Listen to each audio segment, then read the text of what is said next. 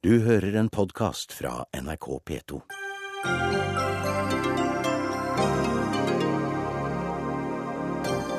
Regjeringsplattformen er klar. Den lover mye, men sier ingenting om hva som skal prioriteres bort, sier Arbeiderpartiet. En katastrofe at klima ikke blir et hovedsatsingsområde, mener SV. Det vil gå fra vondt til verre i landbruket, sier bondeleder. Endringen i arbeidsmiljøloven fører til bruk og kast av arbeidskraft, frykter LO.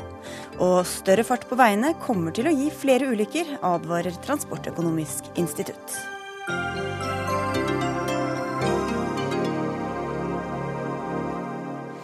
Den nye regjeringsplattformen er altså tema i dagens Dagsnytt 18 i NRK P2 og NRK2. Jeg heter Sigrid Solen. Etter ukevis med lukkede dører og hemmelige sonderinger og forhandlinger er de endelig ferdige. Høyre-leder Erna Solberg, Frp-leder Siv Jensen, velkommen til Dagsnytt 18 for første gang på mange uker. Takk Takk. Har det sunket inn at dere faktisk skal ta over styringen av landet? Ja, det har det. Det har det egentlig gjort for en stund siden at eh, det var en stor sannsynlighet. Eh, men det er klart at vi har vært veldig opptatt med å komme i havn først med sonderinger og så med forhandlinger.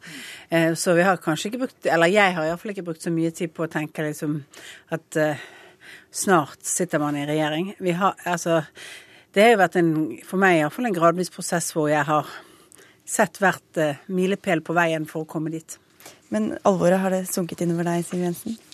Tror det har sunket innover hele Fremskrittspartiet. Vi har brukt veldig mye tid eh, sammen på å forberede oss eh, på å komme dit hvor vi er nå.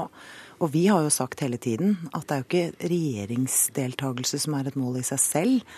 Det er det politiske fotavtrykket Fremskrittspartiet har fått gjennomslag for, som var utslagsgivende for at vårt landsstyre enstemmig sa ja til dette i går. Og det er historisk, og vi er veldig glad, og vi er spent. og tror vi er veldig ydmyke også, for vi skal gjøre noe vi ikke har gjort før. Hvilken visjon og retning peker dere nå ut for Norge? Vi har eh, skissert eh, flere store overordnede retninger i eh, denne, dette regjeringsdokumentet. Som jeg syns er veldig bra, både fordi det handler om å skape verdier før du kan bruke det, og det handler om å løfte grupper, mennesker, enkeltmennesker i samfunnet som ikke har det så bra og som trenger litt andre virkemidler og litt annen hjelp for å få, eh, få det bedre. Og det er jeg veldig stolt av. Fremskrittspartiet har alltid hatt et varmt, sosialt bankende hjerte, og det er nettopp disse menneskene som vi rekker ut en hånd til gjennom denne regjeringsplattformen. Og ja, Fremskrittspartiet sier de har hatt satt tydelige fotavtrykk over hele erklæringen, Erna Solberg. Hvor ser du dem tydeligst?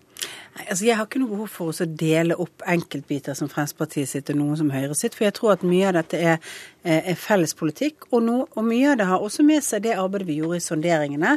Fordi vi bygger på den avtalen vi hadde med Kristelig Folkeparti og Venstre. Og Derfor har jeg også hørt at selv om de selvfølgelig har punkter de ville hatt annerledes i en sånn erklæring når de ikke er med i eh, selve forhandlingene, så har jeg hørt at de har vært også følt at vi har tatt inn over oss eh, det samarbeidskonstellasjonen vi faktisk eh, har eh, forpliktet oss til å ivareta. Men så har jeg lyst til å si bare til det spørsmålet om store prosjekt fremover. Så for meg har det vært viktig, og det mener jeg står her for begge partiers regning, at vi ikke bare skal ha et fireårsperspektiv, vi skal ha et generasjonsperspektiv på det vi gjør. Norge står fremfor en periode hvor vi er nødt til å bygge de nye måtene og de nye områdene å leve av. Og Derfor er det å jobbe med konkurransekraften vår, sørge for kunnskapssamfunnet, men samtidig passe på at vi sørger for at færre ramler utenfor, og at vi sikrer et bedre sikkerhetsnett for flere, er veldig viktig. Så det er en veldig klar linje i forhold til det vi, det vi har lagt her. Og så er det selvfølgelig sånn at i metoden og måten vi jobber på, så er det annerledes eh, fra en regjering utgått av Høyre og Frp enn av dagens regjering. F.eks. knyttet til det at vi tror at samfunnet bygges nedenfra og opp. Vi skal, vi skal straks slippe til en representant derfra, men bare spørre deg først, Siv Jensen. Dere har ofte henvist til SV og sagt at Frp vil si tydelig hvilke seire man har, og også vise fram hvilke tap. Mm. Hvilke tap vil du si dere har hatt nå i disse forhandlingene? Jeg prøvde å begi meg ut på en uh, definisjon både av seire og tap i går, men det jeg først og fremst har lyst til å si, er at dette er en plattform fylt med mange gode kompromisser, hvor jeg mener at Høyre og Fremskrittspartiet har spilt hverandre bedre gjennom de uh, samtalene vi har hatt. Men så finner du veldig klare, solide seire for Fremskrittspartiet, som jeg har vært opptatt av. Men den første, første store tapet tok jo både Høyre og Fremskrittspartiet for en uke siden. Eh, da vi måtte erkjenne at eh, det ble stillstand i Lofoten og Vesterålen også i de neste fire årene hva gjelder konsekvensutredning. Det har smertet.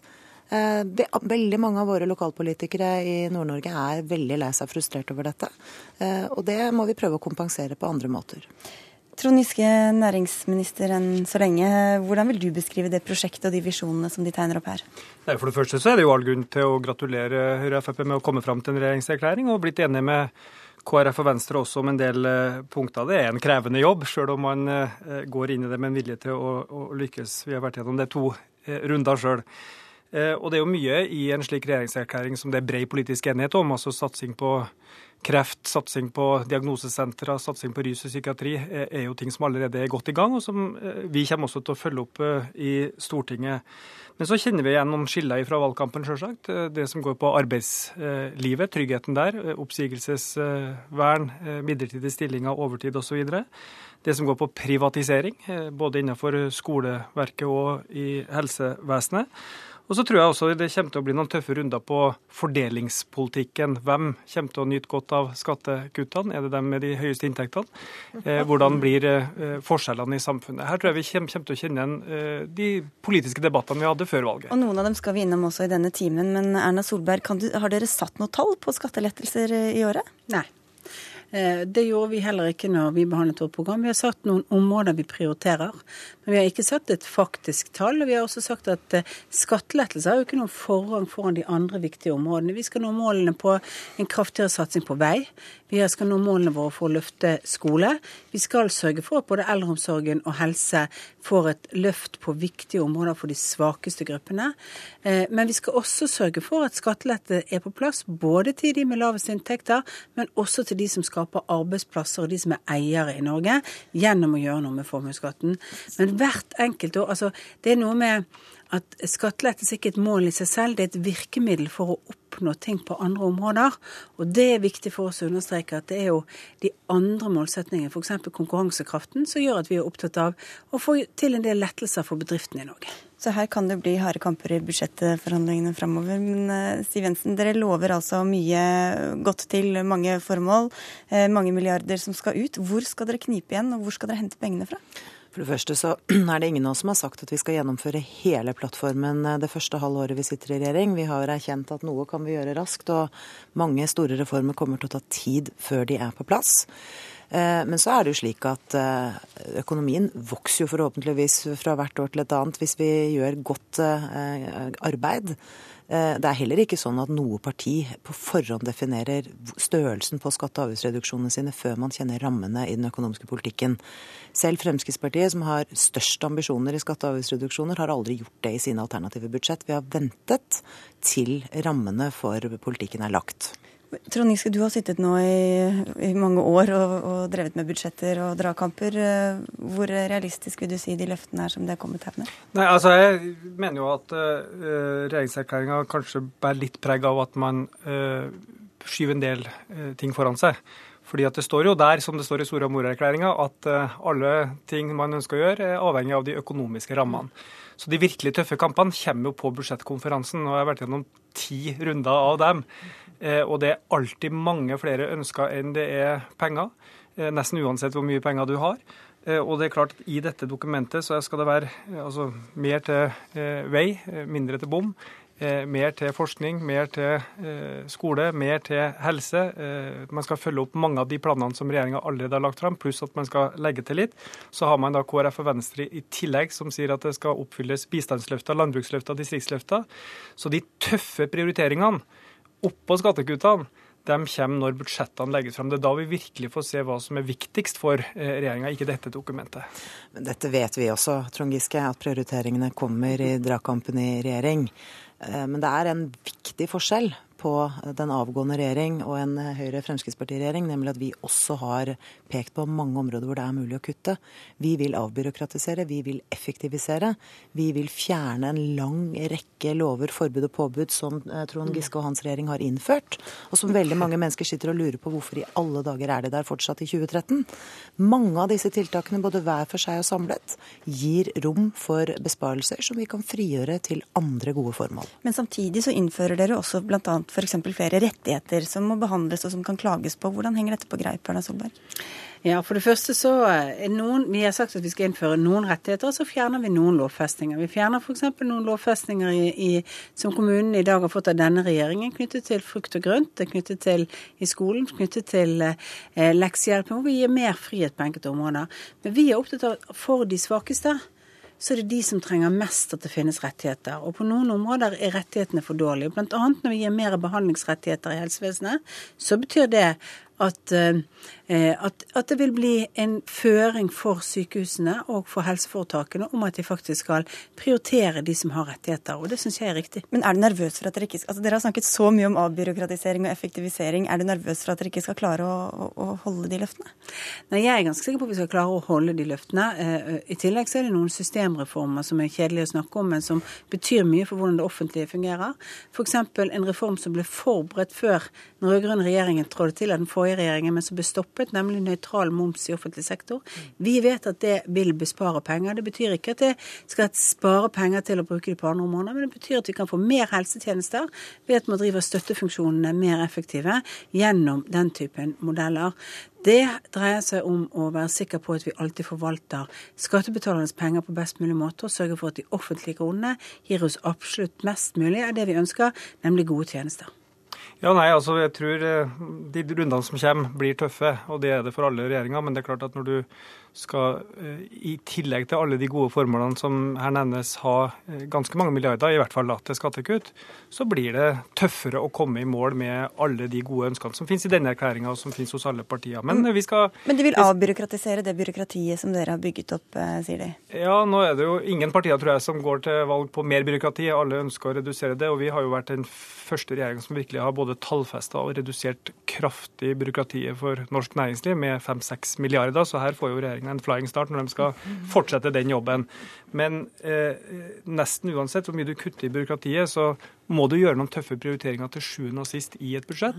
Og noen ting, f.eks. Eh, privatisering, kontrakter med private firmaer for offentlige tjenester og sånn, krever eh, også et offentlig byråkrati som skal passe på de kontraktene og opprettholde dem og, og reforhandle dem. Jeg tror ikke det var takk du skulle si til Trond Giske her, Nei, Jeg er jo enig i at det ikke er noen partier som går til valg på mer byråkrati, men sannheten er at det har vi fått veldig mye av de siste åtte årene. Og dette handler jo ikke bare om å fjerne byråkrater, som noen prøver å si når vi snakker om dette. La meg ta et eksempel. De ambisjonene vi nå har lagt i, i samferdselspolitikken f.eks., er det jo rom for enorme besparelser, bl.a. gjennom å begrense måten vi krever inn bompenger på. Det er en dyr og ineffektiv måte å gjøre det på, og det er skyhøye administrasjonskostnader som bare gjennom å samle dette i ett eller færre selskap vil frigjøre masse penger som kan gå til veiformål i stedet for til administrasjon. Det er ett grep. Og så er det mange, mange flere. Og så hører jo jeg den samme gamle valgkompleksa nå fra Arbeiderpartiet om, om, privatisering og at det skal bli utrygghet i, i arbeidslivet. Det er tull. Det er ingen av oss som ønsker å skape utrygghet for ansatte i arbeidslivet. Det vi ønsker å gjøre, er å modernisere lovverket slik at folk oppfatter det mer i tråd med 2013-standard. Vi skal, vi skal snaks, eh, straks snakke om nettopp arbeidsliv. Men dere har jo altså spent forventningene høyt, og dere sier dere kan ikke innfri alle løfter med en gang. Men hvor redde er dere for å skuffe velgerne, Erna Solberg? Det er selvfølgelig sånn at vi er opptatt av at, eh, at vi skal levere, fordi vi har vært opptatt av at vi skal vise resultater. Vi skal vise at vår politikk gir bedre resultater. Alt dreier seg ikke bare om hvor mye penger du bevilger. Eh, det dreier seg faktisk også om at du har ideer og løsninger som gjør at du kan, kan uh, sørge for at du får gode resultater utover de, av de pengene uh, du gjør. Veldig mye dreier seg også om lederskap.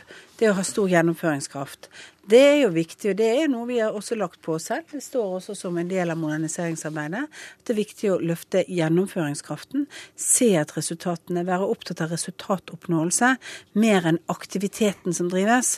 Eh, for det kan godt tenkes at noe vi har tenkt faktisk ikke gir det resultatet vi hadde tenkt det skulle gi. Da er vi villige til å forandre politikk, for du skal ikke være forelsket i virkemidlene. Du skal være opptatt av å nå målene. Og så skulle dere bare liste opp alle statsrådene til slutt her. Må vente litt. ok, da. Siv Jensen og Trond Giske, takk for at dere kom. Erna Solberg, du blir med litt videre. Hør Dagsnytt 18 når du vil, på nettradio eller som podkast. nrk.no – dagsnytt 18. Som vi allerede har vært inne på, et av grepene den nye regjeringa tar, er å endre arbeidsmiljøloven og gjøre det lettere å ansette folk midlertidig. Det har, eh, dette, dette, har dere advart mot i LO, der du er nestleder, Tor Arne Solbakken. Hvordan ser du på at det nå likevel gjennomføres? Ja, Det er jo eh, trist at man eh, velger å gå til et sånt skritt at eh, det skal bli lettere å ansette folk midlertidig og lettere å eh, sparke folk. Vi får ikke flere arbeidsplasser av det. Det eneste vi får, er at vi får flere utrygge arbeidsplasser. Dette er eh, definitivt et eh, skritt i feil retning, og absolutt ikke noe springbrett inn i arbeidslivet for ungdom og kvinner, sånn som det er framstilt som. Ja, Da var vel over på dine argumenter, Kristin Skogen Lund, administrerende direktør i NHO. Ja, Jeg er helt uenig i det, og jeg forstår ikke den eh, motstanden som er. Dessuten er det i hvert fall ingen jeg har hørt snakke om at det skal bli lettere å, å sparke folk. Men jeg tror det er veldig viktig å, å være klar over at eh, for det første så er det naturlig at en del av arbeidslivet er midlertidig. Ca. én av ti ansatte er i en midlertidig stilling fordi man har vikariater og jobber av midlertidig karakter. Så det er en helt naturlig ting. Og ved å gjøre det litt enklere å ansette, senke litt av risikoen for bedriftene, så blir det mye lettere for oss å være med på å få flere inn i arbeidslivet som i dag står utenfor arbeidslivet. Det er det som er den store gevinsten. Men hvor langt går regjeringa nå, legger de opp til i forhold til det dere ønsker, da? Så vidt jeg har forstått, så er det en, en, en viss oppmyking i tilgangen i privat sektor eh, for å ansette midlertidig, og at man da nærmer seg slik det i dag fungerer i offentlig sektor. Så dette er jo snakk om veldig små endringer, og faktisk en mer likestilling mellom privat og offentlig sektor. Men skulle du ønske de gikk lenger? Ikke nødvendigvis. det. Vi er, opp, altså vi er, opptatt av at det er en viss fleksibilitet, for det er næringslivet avhengig av. Og så vil vi gjerne være med på å bidra til å få flere inn i arbeid. Og da må vi senke denne terskelen noe, og det opplever vi at de legger til rette for nå, og det er bra. Mm. Nei, Det er jo sånn at uh, det, det, er riktig for det første at det er en, viss uh, større mulighet for å uh, ha lovlige midlertidige tilsetninger i staten enn det er i privat sektor. Men jeg har nok en mistanke om at det Skogen Lund ønsker seg, det er det som er situasjonen i staten der man misbruker tjenestemannslovens eh, bestemmelser og går atskillig lenger.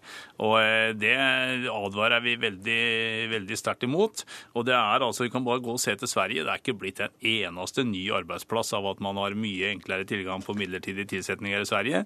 Så det finnes ikke noe belegg for at det virker. Det gir altså bare flere utrygge mennesker, som eh, det ellers i regjeringserklæringa står at man ikke ønsker. Ja, vi kan slippe til Erna Solberg også. Deler dere LOs bekymring? Altså for det første så slår vi jo fast at fast ansettelse skal være hovedregelen i norsk arbeidsliv. Og det kommer vi til å være veldig tydelige på at det skal det være. Vi ønsker ikke, og vi går faktisk kortere enn det vi gjorde sist gang vi satt i regjering, knyttet til det vi foreslår på midlertidighet nå. Grunnen til det er at vi har et annet arbeidsliv i dag enn det vi hadde i 2001 til 2005 pga. den store, eh, altså store endringen med mye større arbeidsinnvandring etter åpningen av, eh, eller utvidelsen av EU- og EØS-regelverket. Derfor har vi vært veldig tydelige på at det kreves en annen arbeidslivspolitikk nå, fordi at eh, utfordringene er større i arbeidsmarkedet. Men så ser jo vi at de gruppene som har problemer med å komme inn, det er de som en arbeidsgiver er litt usikker på om jeg tør ansette. For jeg vet ikke om denne personen gjør jobben sin godt nok. Det er funksjonshemmede, som altså andelen funksjonshemmede som står utenfor arbeidslivet, er større nå enn den var når den rød-grønne regjeringen tiltrådte, til tross for at det er faktisk skapt ganske mange flere arbeidsplasser. Det er f.eks. innvandrere som man også er redd for ikke nødvendigvis klarer å komme inn. Og vi vet dessverre at det finnes diskriminering i arbeidslivet på rett og slett etternavn eller på navnene man har, som jeg oppfatter som en fordomsbit som dukker opp når du skal ansette. Vi tror at midlertidighet gjør at for disse gruppene blir det lettere å komme inn og vise at du faktisk kan gjøre jobben. Og veien i dag er jo at veldig mange av disse forsøker å gå via vikarbyråene inn til en jobb, for der har man en organisert midlertidighet som er annerledes. Og vi tror at det kan være lurt å gå andre veier òg. Ok, Solbakken, hvorfor er dere mer opptatt av deres egne medlemmer enn at alle flest mulig Nei, skal det, er, det er en beskyldning som er tatt eh, helt ut av lufta. Jeg er enig med Erna Solbergs beskrivelse i at eh, vi har ikke vært flinke nok til å eh, inkludere de som står utafor arbeidslivet. Selv om vi har hatt en eh, historisk økning i antall arbeidsplasser. Og det skal vi være med å ta en del av ansvaret for. Men det er klart det er arbeidsgiverne som ansetter. Eh, og vi mener jo at det er andre virkemidler som er mer effektive enn en åpning for midlertidig ansettelse for å hjelpe den gruppa. Og vi, eh, det er en del av IA-avtalen, og vi er veldig for at vi skal få til å gjøre den inkluderinga bedre. Men det er altså feil medisin for å nå et mål vi er enige om. Men det har vært en del av IA-avtalen siden 2001, og det målet vi når dårligst. Da er det kanskje på tide å se på hva er grunnen til at man sitter der og ikke nødvendigvis ansetter den man har litt spørsmålstegn ved. Det er på en måte utfordringen. og eh, da må man sette seg liksom, Jeg skjønner beslutningsprosessen hos en arbeidsgiver som sitter litt redd for ansetter jeg noen person som jeg ikke vet om er 100% effektiv. Er det da lettere å ta den eh, eh, hvite gutten med veldig, med, som har gått på samme skolen som meg, istedenfor å gjøre det. Det er veldig enkelt å gjøre. Vi må sørge for at folk, talentene, men som har litt annen bagasje med seg, faktisk eh, også får vise seg frem for arbeidsgiver. og ja, dette det, måtte Da er gjøre det det. andre virkemidler som er bedre enn midlertidige tilsetninger, Erna Solberg. Men jeg vil spørre dere om en annen ting også, fordi det ble også kjent i dag at eh, regjeringa vil åpne for søndagsåpne butikker. Hva syns LO om det? Nei, Vi syns at, eh, at det egentlig er helt unødvendig. Det er ikke noe behov for det. Og vi mener at søndagen har en selvstendig verdi som eh, en fridag og en annerledes dag enn eh, de andre dagene i uka. Og at flest mulig bør ha fri da. Når det er sagt, så er vi jo fornøyd med da, at den nye regjeringa har sett at det er et høl i lovverket i forhold til de ansattes medbestemmelse på arbeidstid innenfor varehandelen. Og det står ganske klart i den regjeringserklæringa, det er nesten sitat fra LOs handlingsprogram, i forhold til at det hølet må vi tette. Sånn at når man først går til det skrittet og gjør noe, åpne, søndag, åpne butikkene på søndagen, så ser det i hvert fall ut som man er villig til å ta de konsekvensene som må ligge i andre enden. Og den delen av den setningen er vi fornøyd med. Ok, men eh, Kristin Skogen Lund, hva syns dere i NHO om søndagsåpne butikker? Eh, det er ikke det viktigste temaet for oss i denne regjeringserklæringen. Eh, det kan eh, være fordeler ved å ha åpne butikker for forbrukerne, og også gjøre det mer likt hvem som har anledning til å være åpen på søndager. Men det er også kostnadsdrivende. For hvis ikke du selger noe mer, men du må ha lønnskostnader i en lengre periode, så vil jo det gjøre varene dyrere. Men vi får sette oss ned og se hvordan vi kan finne best mulig løsninger på, på det her. Og så har jeg bare lyst til å avlive en myte en gang for alle, og det er at næringslivet ønsker midlertidighet. For det gjør vi ikke. Vi ønsker jo fast, stabil arbeidskraft. Men vi har behov for en viss midlertidighet, og det er riktig at det hjelper flere som står utenfor arbeidslivet inn. Det er det det handler om. Men til dette med søndagsåpne butikker, bare for å avslutte det også, Erna Solberg. Hvorfor er dette så viktig for dere når, de, når verken arbeidsgivere eller arbeidstakere ber om det? Fordi dette er et forbrukerspørsmål, og ikke et ansatte- eller arbeidsgiverspørsmål. Det er spørsmål om uh, å gjøre det enklere for folk å velge å leve de livene de, de selv ønsker. Jeg tror f.eks. at uh, for sentrumshandelen i mange steder så vil dette være en oppblomstring. Uh, I dag er det veldig, er det, diskuterer vi å lage kjøpesenterforbud fordi at ikke folk skal reise på kjøpesenter utenfor. Det å ha en søndags formiddag hvor også butikkene kan være åpne i sentrum av byene, som gjør at man kan faktisk få en opplevelse av på en rolig dag å gå, kan bety at de faktisk får bedre vilkår. Så det er ikke snakk om bare det er matbutikker, men det er klesbutikker Nei, altså, og alle altså, andre det kan, det kan være forskjellig. Vi har ikke sagt grensene for dette, men vi har sagt at vi ønsker en større grad av åpenhet. Får vi ta den diskusjonen fremover. Dette er også en sak hvor vi i utgangspunktet ikke har flertall eh, nødvendigvis for hva vi gjør i Stortinget. Vi får se hvordan vi kan få ta den diskusjonen med også andre, andre partier. Men det er klart, dette er først og fremst et eh, forbrukerspørsmål. Det er to, rare, eh, to reguleringer i dag som er vanskelig også. Det ene er at noen får lov å kalle seg turiststeder, eller er turiststeder, for det er mange turister, men de er ofte småsteder. Steder som mange flere turister får ikke lov til å ha åpent på søndager fordi de er større byer, eh, som, som da føler seg urimelig behandlet. Den andre biten er jo forskjellen på at eh, ja, grensegangen på hvem som har lov å ha åpent av type butikker på en søndag, det skaper også konflikt. Solbakken, eh, dere har advart mot Høyre og Fremskrittspartiet gjennom hele valgkampen. Hvordan ser du på samarbeidet videre? Ja, Vi har eh, advart mot den politikken de har stått for, eh, men vi har samtidig sagt at eh, vi ønsker å ha et avklart og godt forhold til enhver tid sittende regjering. Vi registrerer sånn sett at det er positivt flere steder i, i denne plattformen at man henviser til partene, og at man vil videreføre trepartssamarbeidet. Jeg syns spesielt at det er bra at man erkjenner at det norske samfunnet har et stort problem knyttet til sosial dumping, og at man er innstilt på å jobbe videre for å bekjempe det. Og så er det mye annet jeg kunne ramsa opp her som eh, vi kommer til å slåss imot. Men eh, vi eh, er beredt til å ta imot de invitasjonene vi får, og får vi ikke invitasjoner, så banker vi på døra. dere slipper i hvert fall inn Kristin Skogen Lund på Ja, Vi ser frem til et reelt trepartssamarbeid vi nå da. For nå har det jo vært en ganske lang periode hvor LO har fått diktere for stor del av arbeidslivspolitikken. Så vi tror at dette nå blir balansert, og jeg er helt trygg på at en borgerlig regjering vil være opptatt av å mm, høre på alle parters syn og komme frem til gode og balanserte løsninger. Det nikkes her fra Erna Solberg. Takk skal du ja. Ja, nei, altså, Det er jo viktig. Jeg har lyst til å si at uh, i Norge er vi altså velsignet med én ting. Uh, og det er at vi har hatt ansvarlige organisasjoner både på arbeidsgiver- og arbeidstakersiden i veldig mange år. Det er en del av det som gjør at Norge er bra, og det har vi tenkt å bygge på. Takk skal dere ha for at dere kom til Dagsnytt 18, Erna Solberg, Tor Arne Solbakken og Kristin Skogen Lund.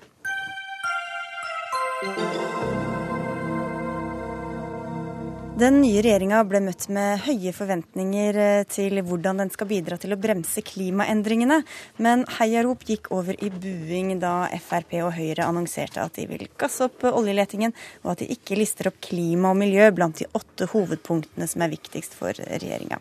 Dette kaller du en eh, katastrofe, SV-leder Audun Lysbakken. Hvorfor det? Jeg kaller det i hvert fall kortsiktig og uansvarlig. Fordi uh, alle som uh, har vært borti et regjeringsprosjekt, vet at det som står i den plattformen som er utgangspunktet for samarbeidet, det trumfer alt.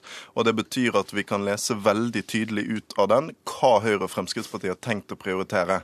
Og når du greier altså å liste opp dine åtte viktigste prosjekter for Norge, og vår tids største utfordring, kampen for miljøet mot klimaendringene ikke er en av de, så er det altså en illustrasjon på en nedprioritering som er bortimot rystende, og som jo står i en skrikende kontrast til den retorikken som bl.a. Høyre har ført i valgkampen om at de skulle styrke norsk klimapolitikk. Da får vi høre med deg, da, Nikolai Astrup fra Høyre. Hvorfor er det ikke blant disse åtte punktene? Vel, det står i regjeringens verdigrunnlag. Så dette er altså en høyere himmel over alle de Eh, politikkområdene som regjeringen skal befatte seg med. Hva betyr det? Det å se på klima og miljø som ett separat område som man skal jobbe med, det er nå én ting, men vi mener jo at dette er noe som eh, må være viktig for kunnskapspolitikken, for eh, konkurransepolitikken, for industripolitikken, og rett og slett gripe inn i mange deler av samfunnet. Og Derfor så har vi også veldig, et veldig sterkt klimakapittel i regjeringserklæringen, som jo går langt, eller mye lenger enn det den sittende regjeringens klimapolitikk gjør. Og Derfor høres det jo veldig hult ut når Audun Lysbakken sier at det er kortsiktig og uansvarlig, den politikken som Høyre og Frp her har lagt frem, når vi ønsker å gå lenger enn det hans parti har klart å få til de siste åtte årene. Ja, hvilken troverdighet har dere på dette? Det er jo feil. Det som er kortsiktig uansvarlig, er å ikke løfte kampen mot klimaendringene som et av hovedprosjektene. Uh, og det er altså sånn at uh, kampen for uh, skatteletter for næringslivet f.eks. er en gjennomgående sak. Altså konkurransekraft er en, en, overskrift som jeg vet er viktig for Høyre. Hadde klimakampen vært et av de viktigste temaene, så hadde den også stått der. Når man ikke klarer å få på plass én av åtte hovedprosjekter til vår tids største spørsmål, så sier det noe om prioriteringene. Det er jo ikke, det er jo ikke pressekonferansen som var i går, som er høstens viktigste pressekonferanse. Det er den til FNs klimapanel. Og den sier oss også at vi må styrke klimapolitikken både i Norge og i verden. Og da er det sånn at det skulle jo bare mangle om ikke det kom et eneste nytt tiltak på toppen av det klimaforliket som hele Stortinget har inngått. Vår holdning har hele tiden vært at det vi har gjort til nå, det er et gulv for norsk klimapolitikk. Det er jo ikke et tak. Eh, og vi har mye større ambisjoner enn det. Det som er problemet med denne regjeringserklæringen, er at det er nesten ikke konkrete tiltak som styrker den. Og vi vet at vi må gjøre mer hvis vi skal nå de norske uh, utslippsmålene. Og denne regjeringen signaliserer ingen vilje til å gjøre mer. At den ikke vil gå tilbake, skulle jo bare mangle. Du skal få svare, men først må du få med deg litt ekstra kritikk på veien fra Lars Haltbrekken i Naturvernforbundet. Hva er, de, hva er du mest skuffa over? Vi syns det er skremmende at man eh, to uker etter at FNs klimapanel la fram en rapport hvor man er sikrere enn noensinne på at vi står foran eh, alvorlige klimaendringer, klarer å presentere et eh, regjeringsprosjekt hvor eh, ikke kampen mot klimaendringene og kampen for å ta vare på naturen, selve livsgrunnlaget vårt, er noe av det viktigste man skal gjøre eh, de neste fire årene. Det er flere lyspunkt i erklæringa som kan være med på å ta noen riktige skritt i riktig retning, f.eks. økt satsing på energieffektivisering og støtte til etterisolasjon og hus osv. Men det ligger også inn her punkt som sier at vi skal øke oljeutvinninga, vi skal bygge nye motorveier, mange flere motorveier, og øke biltrafikken. Og vi skal også sørge for å få flere fly i lufta. Dette gir enorme utslipp. Hvordan skal dere klare å kombinere dette med å få klimagassutslippene ned, Astrup? Jeg tror det er veldig viktig at vi satser mye på teknologisk omstilling av samfunnet. Jeg tror vi må erkjenne at bilen er kommet for å bli, og bilen trenger en trygg vei å kjøre på. Derfor må vi også satse på uh, veier i dette landet som er så langstrakt. Det viktige er jo at de bilene som kjører rundt på veien er miljøvennlige. Og Derfor går vi, vi mye lenger enn den sittende regjeringen har gjort i å få til en raskere omstilling av transportsektoren. Både eh, av bilparken, men også satsing på kollektivtrafikk som er mer forpliktende enn det regjeringen la opp til. Den kritikken som kommer fra disse to herrene er jo helt urimelig, all den tid, særlig fra Lysbakken. All den tid eh, vi jo satser mer enn det hans regjering de siste åtte årene har gjort. Og han har fått eh, masse pepper for det, for å si det sånn, i dette studioet opp gjennom tiden. Men eh, det er jo ikke bare eh, SV som kritiserer dere, det er også Venstre, deres egen partner, det er Bellona, Natur og Ungdom. Skei Grande presiserte i dag Marius, at hvis av de tiltakene vi foreslår, så er det veldig mye bra og offensivt.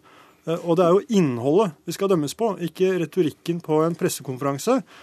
Og jeg presiserer jo da igjen at dette er en del av regjeringens verdigrunnlag. Det skal gjennomsyre alt vi gjør. Eh, og vi har altså en rekke offensive tiltak som vil bidra til å få utslippene ned. Ikke bare her hjemme, men også internasjonalt. Det å satse mer på miljøteknologi, mer på fornybar energi, ikke bare hjemme, men også globalt og utviklingsland. Det å sette ned en grønn skattekommisjon som kan se på hvordan skattesystemet kan bidra til å nå våre klimamål lettere. Denne type ting, denne type grep som denne sittende regjeringen burde ha gjort, men som nå den nye regjeringen okay. gjennomfører. Altså, gjennom åtte år så har SV vært pådriveren for å gjøre den rød-grønne klimapolitikken grønnere. Jo, jo, men sant. Så er spørsmålet hva skjer nå? Nå har Venstre og KrF kjempet én runde, og jeg syns de har fått til en del bra ting. De har bl.a. fått til en videreføring av de seirene vi vant i oljepolitikken, med å holde oljeindustrien unna en rekke sårbare områder. Det er veldig bra. Det er også noen lyspunkter av det som er lagt fram uh, i går, det er jeg helt enig i. Jeg syns f.eks. det er bra uh, at man foreslår en grøn, ny grønn skattekommisjon. SV vil stemme for ethvert forslag som kommer fra regjeringen som vil få utslippene ned. Men problemet er jo at nå er vi i en situasjon der de norske klimagassutslippene på vei ned. Summen av av det Høyre og Frp foreslår, kan jo skape en situasjon der de istedenfor går opp. For når du gjør det til et politisk mål å ha høyt tempo i oljeutvinningen, etter en valgkamp der Høyre har snakket om at oljeavhengighet er et problem, når du satser så tungt på vei, så vil det føre til økte utslipp, og det vil fortrenge det vi trenger, nemlig omstilling og nye grep som kan få utslippene ned. Okay, Høyre brukte jo hele valgkampen på å si at vi trenger en mer ambisiøs klimapolitikk. og Derfor har vi store forventninger eh, også til Høyre framover på at man faktisk kommer med en klimapolitikk som svarer på de utfordringene som verdenssamfunnet setter oss, nemlig at vi trenger store utslippskutt i rike land som Norge. Og selv om det er gode enkeltforslag som ligger i denne plattformen, så vil økt oljeutvinning, nye motorveier land og strand rundt som fører til økt eh, biltrafikk, være med på å øke utslippene og ikke redusere dem. Og Det er det motsatte av det vi trenger. Og Skal vi få en ambisiøs klimapolitikk, så må vi få en kraftig nedgang og ikke noen enkelte gode tiltak, men en omlegging av hele politikken. Og Da er vi tilbake til det spørsmålet i stad. Altså, hvordan skal dere klare å få ned utslippene samtidig som dere øker oljeutvinningen og bygger masse nye motorveier? Vi foretrekker altså å gjennomføre tiltak som gjør verden grønnere, fremfor å gjennomføre tiltak som gjør Norge fattigere. Og det at Norge ensidig skal redusere oljeutvinningen eh, raskere enn den naturlige avmatningen, vil ikke bidra til å redusere utslippene globalt. Men i Norge, vil bidra til å redusere inntektene til den norske statskassen og våre muligheter til å satse på grønn teknologi, våre muligheter til å satse på fornybar energi, våre muligheter til å eh, støtte husholdningene når de skal gjennomføre enøktiltak i Men, egen men tror du at de tiltakene dere, dere innfører, vil Så føre til lavere utslipp i Norge? Ja, men Hvis programlederen nå kan la meg snakke ferdig, så skal jeg også komme til det poenget. Eh, Og Det er viktig å presisere at norsk oljeutvinning faller. Altså tempoet i oljeutvinningen faller. Eh, Og er, oljeproduksjonen er halvert siden toppen i 2001. Den trenden kommer til å fortsette. Så er det spørsmålet om hvor raskt den skal falle.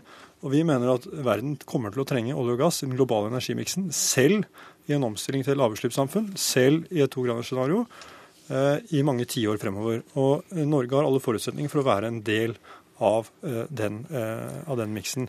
Eh, Men- og det er Men, ingen men du som- svarer ikke helt på spørsmålet. Tror du at, de norske utslippene kommer til å gå ned med deres politikk? Ja, jeg tror de norske utslippene kommer til å gå ned med vår politikk. Men det- det, det er viktige, det- la, la meg bare få lov å legge til. Altså, det viktige her er jo å finne konkurransedyktige alternativer til fossil energi innenfor kraftsektoren, innenfor transportsektoren, i industrien.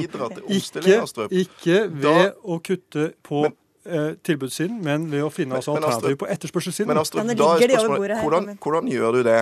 Jo, da må du jo føre en aktiv politikk for omstilling. Men det dere sier, er altså at det er et politisk mål med et høyt tempo innenfor olje og gass. Dere skal styrke petroleumsforskningen. Dere skal legge opp til å gjøre dette lengst mulig, istedenfor å se på hvordan du får i gang omstilling. Og, og det store spørsmålet, når, du sier at det, det er viktigst å tenke globalt er at Dere har sjøl altså underskrevet på klare norske utslippsmål i klimaforliket. Og, spørsmål, og, det, og det er denne fireårsperioden som avgjør om vi når de. Hvis du ikke i sum har en troverdig politikk for at utslippene skal gå klart ned de neste fire årene, så når vi ikke det.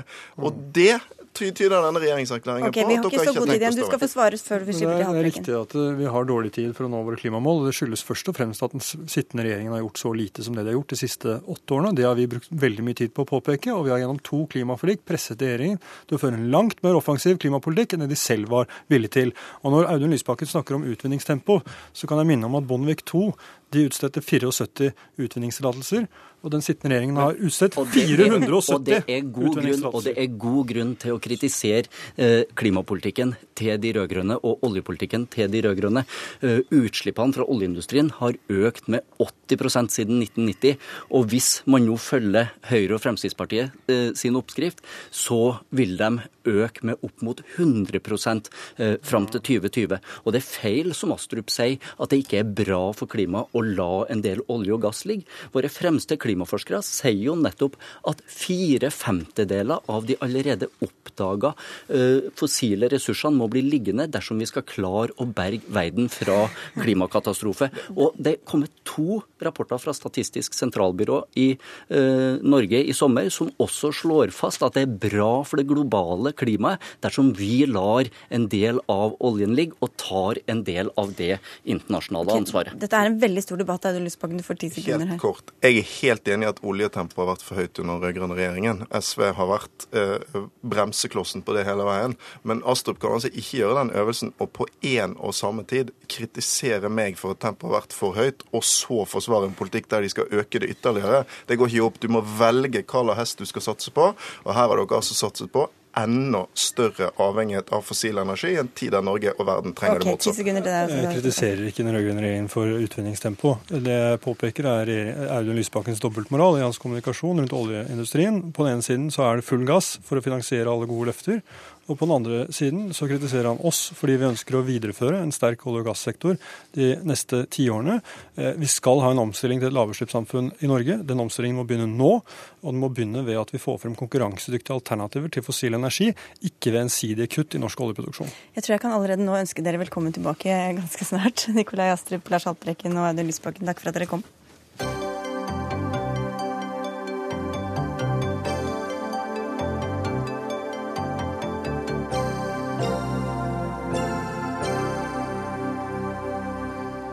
Ikke alle forslag fra den kommende regjeringa faller i god jord, bokstavelig talt, hos dem det gjelder. Landbrukspolitikken skal forenkles, odelsretten fjernes sammen med boplikten og konsesjonsloven, og statlige overføringer til landbruket skal kuttes. Dette går fra vondt til verre, sier du Merete Furuberg, leder for Norsk Bonde- og Småbrukarlag. Hva tror du disse endringene kan føre til? Ja, Det er jo den mest utfordrende regjeringserklæring som er lagt fram for norsk jordbruk og norsk matproduksjon. Eh, regjeringen har sagt at det skal være regjering for hele landet. Men når en leser det som står om matproduksjon, så kan en stille spørsmål er regjeringen for norsk landbruk og norsk eh, matproduksjon nå. Forslag på å kutte og, og redusere i tollvern, som fører til at eh, bonden får muligheter til å ta ut mindre i pris, det sier seg jo at det blir veldig mye dårligere økonomi. Og frislippet eh, fører jo rett til danske tilstander. Og i Danmark så er det jo slik at staten har måttet opprette statlige kredittselskap. Og er det dit regjeringen vil ha norsk matproduksjon? Det kan vi jo spørre deg om, da, Svein Flåtten eh, fra Høyre. Hvordan skal bøndene klare seg nå framover med deres politikk?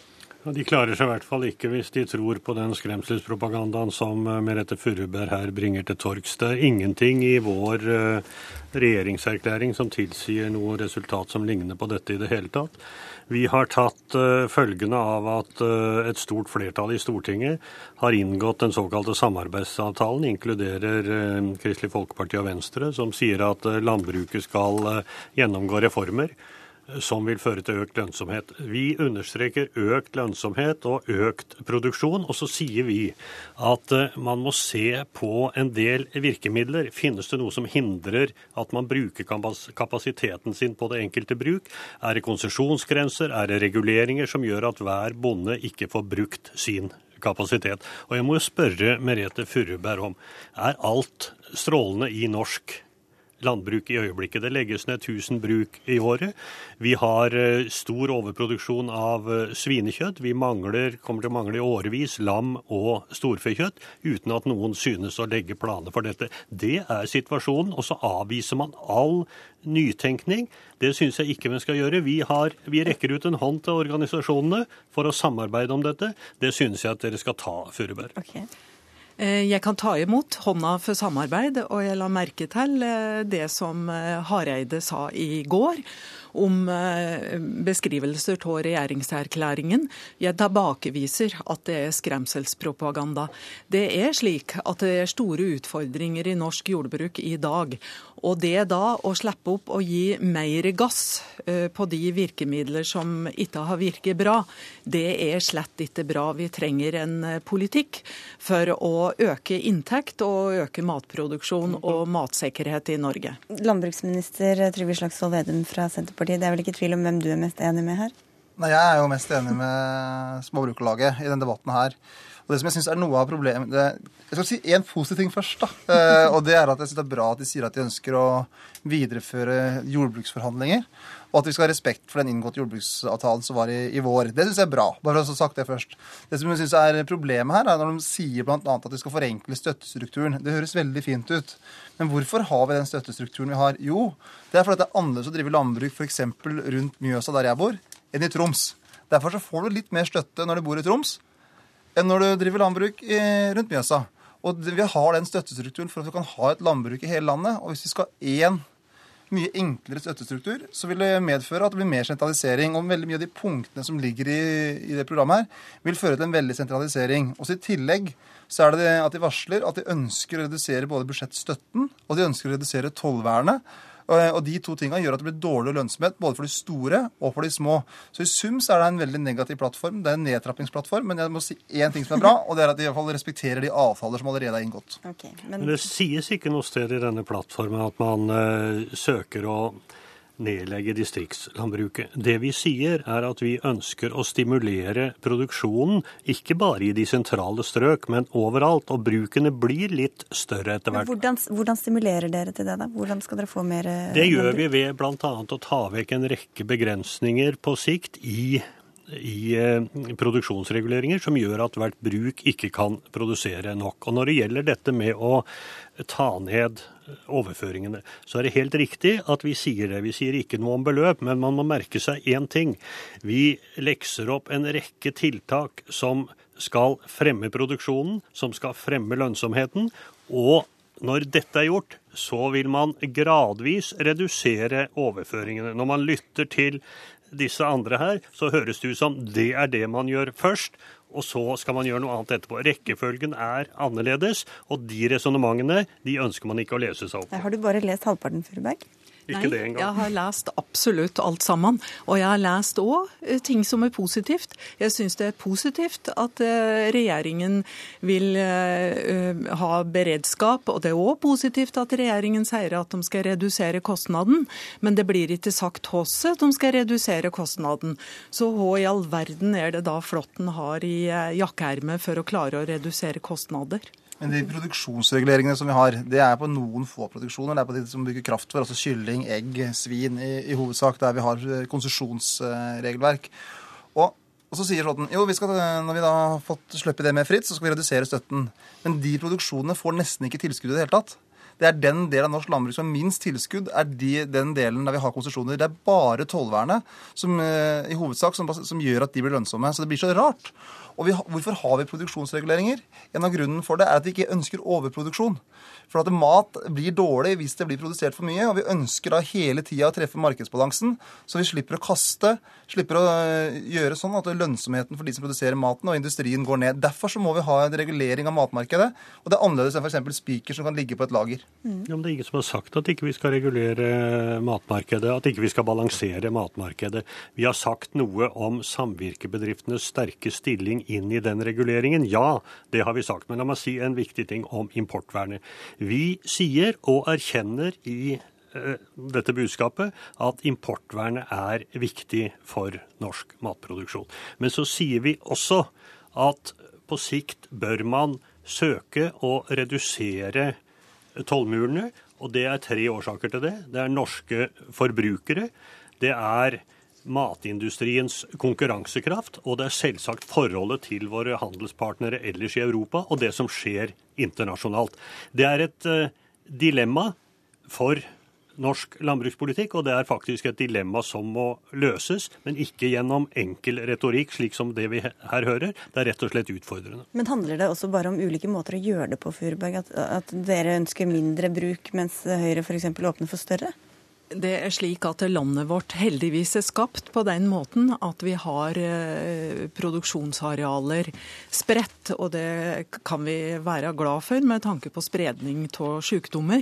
Eh, I norsk matproduksjon så er det sjelden eh, såkalte stordriftsfordeler.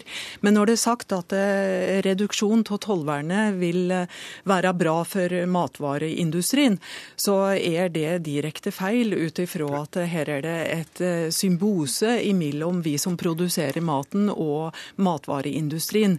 Den vil bli nedlagt hvis vi skal importere råvarer. Og hva, skje, hva, hva, gjør dere i Høyre dersom det viser seg nå at vi produserer mindre mat, at det blir nedlagt eh, mange gårdsbruk med deres politikk? Da blir vi eh, overrasket. Jeg blir ikke overrasket om det blir lagt ned flere gårdsbruk, for det har blitt lagt ned 1000 gårdsbruk hvert eneste år de siste åtte årene bortimot, med under denne regjeringen.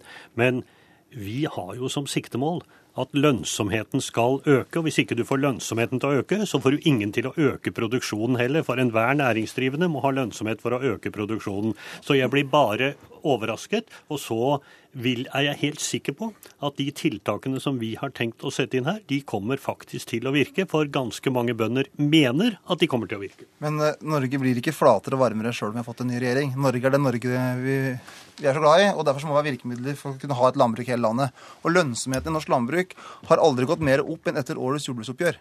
For der er vi villige til å bruke både budsjettmidler, vi er villige til å bruke pris, og det gjør at den enkelte bonde kan tjene mer penger. Heldigvis har Høyre sagt at vi ikke skal rokke ved inngåtte avtaler, det er jeg glad for. Men skal vi klare framover å øke produksjonen, så må folk få betalt for det. Og det, det er ikke noe mirakelkur. Og Norge er det Norge der. Da trengs det virkemidler. Det er van, vanskeligere å drive landbruk i Norge enn f.eks. i Tyskland. Og da må vi være villige til å bruke litt budsjettpenger. Og vi bruker ca. en prosent av statsbudsjettet. Vi bruker veldig lite og får masse igjen. Og det er en av Norges største og tyngste næringer med ca. 100 000 arbeidsplasser rundt omkring i hele landet, hvis du tar med hele verdikjeden.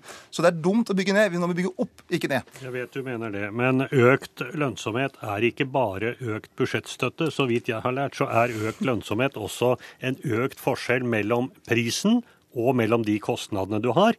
Og det fremkommer på en del forskjellige måter, som jeg for så vidt har redegjort. To sekunder her. Eh, reduserte kostnader, jeg fikk ikke svar på det. Hvordan i all verden skal regjeringen med de virkemidler en regjering sitter på, redusere kostnader? Vil den redusere prisen på spiker, på diesel osv.? Hvordan skal vi klare det? Det kommer til å bli mye rock'n'roll rundt landbrukspolitikken neste fire åra. For de har ikke flertall for den politikken her i Stortinget. Jeg tror det stort sett vil bli fortsatt rock'n'roll, for det har det også vært. Men vi har et flertall i Stortinget for det at samarbeidsavtalen gir tydelig uttrykk for at man vil ha et fokus ja. på reformer som skal være lønnsomme. Har du et kort svar til dette med altså Det å få ned kostnadene for norsk fastlandsindustri, som øh, jordbruket er en del av, det er en langsiktig affære. Jeg bare minner om at under den regjeringen vi har, så har disse kostnadene økt med en 40-50% sammenlignet med handelspartnerne. Historien taler for seg selv. Det er atskillig enklere å gjøre det bedre. Ja, vi rekker ikke mer, dessverre. Takk skal dere ha for at dere kom. Svein Flåtten fra Høyre,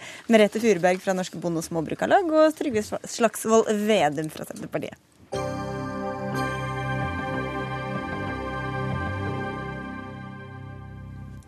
Den nye regjeringa vil lage et eget veiselskap som skal bygge veier raskere, og et eh, eget infrastrukturfond på 100 milliarder kroner, der avkastningen skal gå til utbygging av jernbane, vei og kollektivtransport.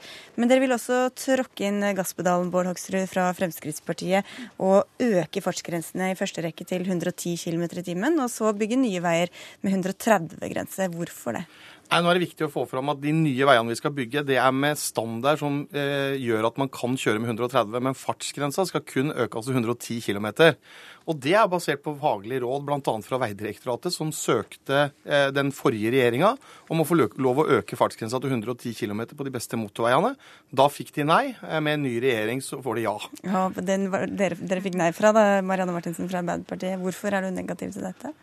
Ja, det fikk nei fra. Så det er ikke fordi at vi har noe ideologisk forhold til fartsgrenser. Eh, åpenbart ikke. Men det er fordi at vi er genuint opptatt av trafikksikkerhet. Og det vi vet eh, godt, det er at, eh, at, i over halvparten av ulykkene som skjer på norske veier, så er fart en medvirkende årsak til at ulykka skjer.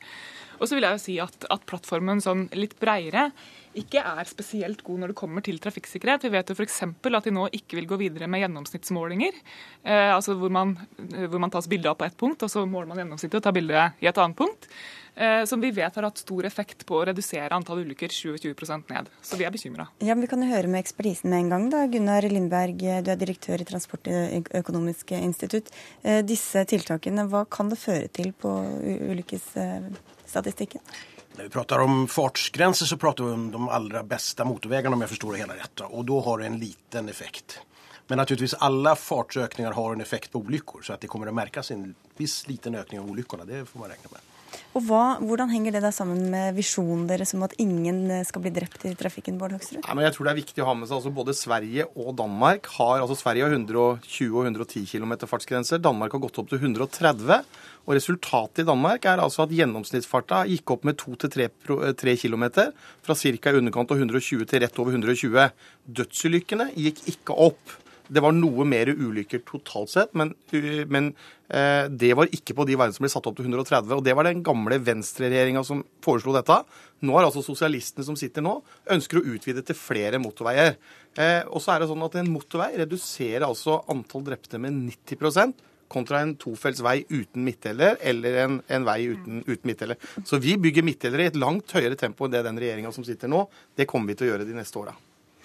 Ja, Martin Martinsen. Nei, så Vi er alle for midtdelere, og så har dere ikke helt begynt å bygge de midtdelerne ennå. Men, Nei, det, men liksom, det, er, det er i og for seg prioritering som vi er helt enige om. Men vi skal eh, til et annet av det mer strukturelle slaget. For dere foreslår altså et eget fond på 100 milliarder kroner, hvor avkastninga skal brukes på, på utbygging. Kan du si hvor mye som skal brukes til hva av vei og jernbane og kollektivtrafikk? Nei, altså fordi Nå har man blitt enige om i plattformen så er at man skal øke til et fond til 100 milliarder kroner. I tillegg så etablerer vi et statlig selskap som skal stå for eh, mye av veiutbyggingen. Det skal være et rent veiselskap som skal få tilført midler både gjennom egenkapital, som kan få, til, få muligheten til å låne penger, men ikke minst så altså sørger vi for å merke altså, at deler av årsavgiften skal gå inn for å finansiere ny veibygging. Det betyr at bilistene for første gang opplever at de avgiftene de nå betaler inn, er altså øremerket til å betale på å bygge veinett. Lindberg, hva kan det få å si for eh, veibyggingen i landet, som ellers har fått mye kritikk? Ja, altså, det skal man si, altså, Årsavgiften er omtrent 9 milliarder. Og en del av det, jeg sier at du sier hälften av det, det er 4-5 milliarder. Og eh, veiinvesteringene i nationella transportplanen ligger kring 30 milliarder. Så det er jo liksom ingen gigantiske summer vi prater om. Eh, men, men givet at vi, vi för över de här pengarna så beror det ju helt på vilket regelverk vi sätter upp för det här sällskapet. Som jag förstår det så flyttar vi ut en del av ansvaret från det politiska systemet ut till ett privat, eller ett privat, ett statligt sällskap. Och det regelverket man, man skriver för det här sällskapet kommer att bestämma hur man utvecklar vägnätet, eller kan bestämma hur man utvecklar vägnätet. Vad syns du om ett sånt fond, Marianne Martinsen? Altså, jeg er egentlig ikke spesielt imponert, og jeg er litt overraska også. For jeg hadde faktisk trodd at når denne erklæringen kom, så ville man se veldig tydelig at det var et parti som var veldig veldig glad i mye motorvei overalt, som, som eh, skulle inn i regjering. Og det er en del ting på papiret som kan se ut som offensive grep, bl.a. dette med å opprette et fond, dette med å opprette et selskap, men som kanskje ikke utgjør det helt store når man begynner å gå det etter i sømmene og se på hva det er for noen ting. For det som var FrPs kongstanke med å opprette et sånt selskap, det var at det skulle være et investeringsselskap som skulle få kanalisert en masse penger utenom handlingsregelen. Og Det har man jo ikke fått gjennomslag for. Og Hva som da er poenget med å skulle, med å skulle eh, outsource prosjekteringa av veier til et selskap som har inntekter som uansett skal regnes innenfor handlingsregelen, gå over statsbudsjettet og bli en del av prioriteringer på linje med alt annet, det ser jeg ikke helt. Litt for lite Frp-politikk altså inni regjeringsplattformen? Nei, men jeg vil, gjerne, jeg vil gjerne utdype det. For vi er, vi er selvfølgelig veldig for at man tenker kritisk gjennom hvordan man organiserer veibygging. Det er masse å hente på å organisere veibygging bedre. Vi har bygd for mye klattvis og delt. Prosjektering har tatt altfor lang tid.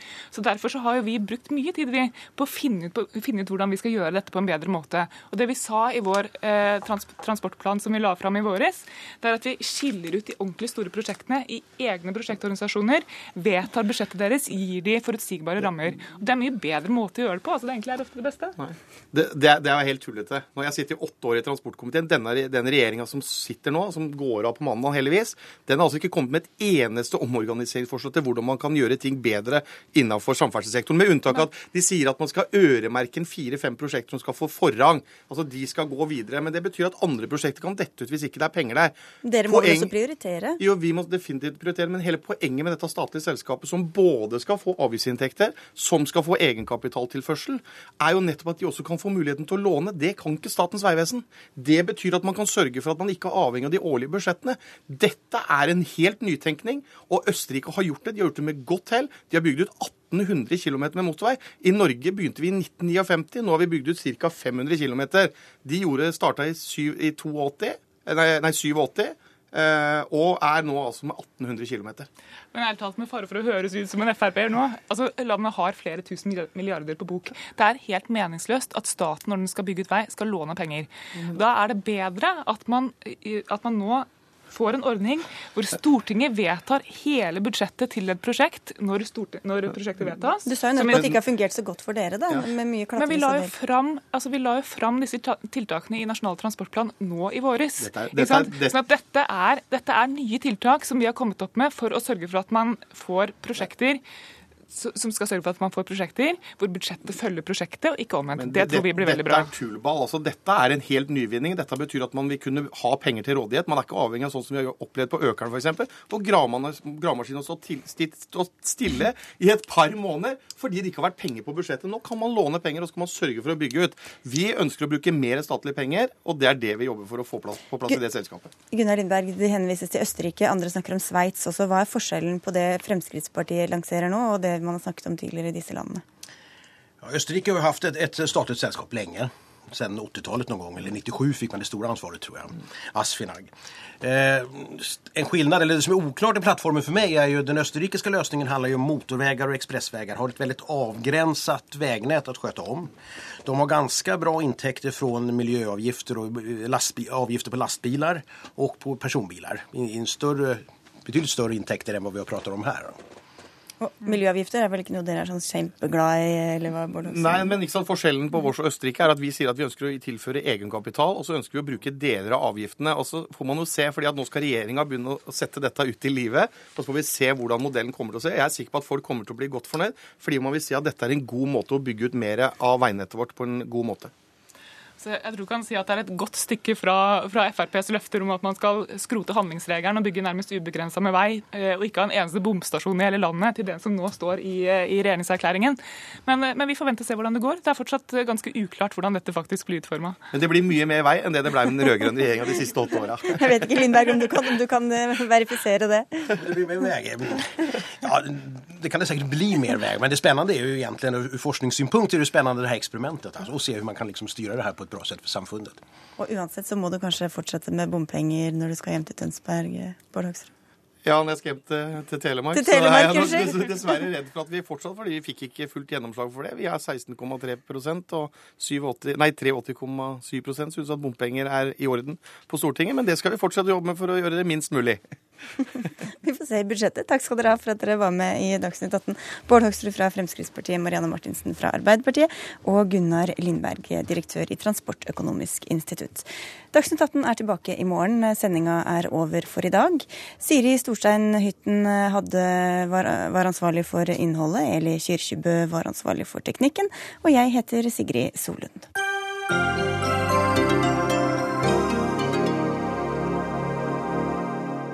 Du har hørt en podkast fra NRK P2.